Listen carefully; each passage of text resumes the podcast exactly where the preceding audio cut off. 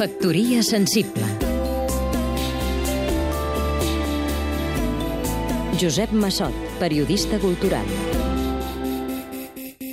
Ara se celebren els 50 anys de la publicació d'un llibre que va causar un enorme impacte a Catalunya.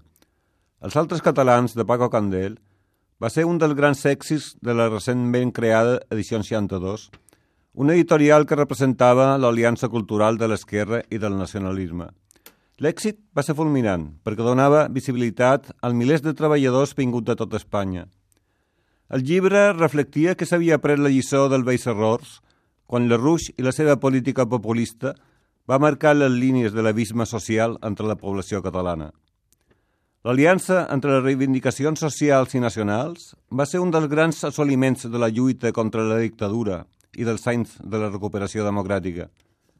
50 anys després, la tentació de treure vots en polítiques que apel·len al sentimentalisme tornen a apuntar-se a Catalunya en un moment perillós, perquè la ciutadania veu com una casta aliena als partits tradicionals.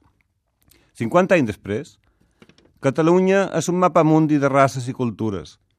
Vistosos milionaris russos, xinesos invisibles, centroamericanes a les llars, africans al camp, indis i pakistanis als comerços.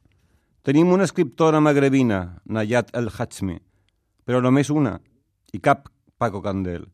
I això, que tothom ja sap, que Al-Qaeda es nodreix de les frustracions que creen la manca d'integració social. Factoria sensible Seguim-nos també a catradio.cat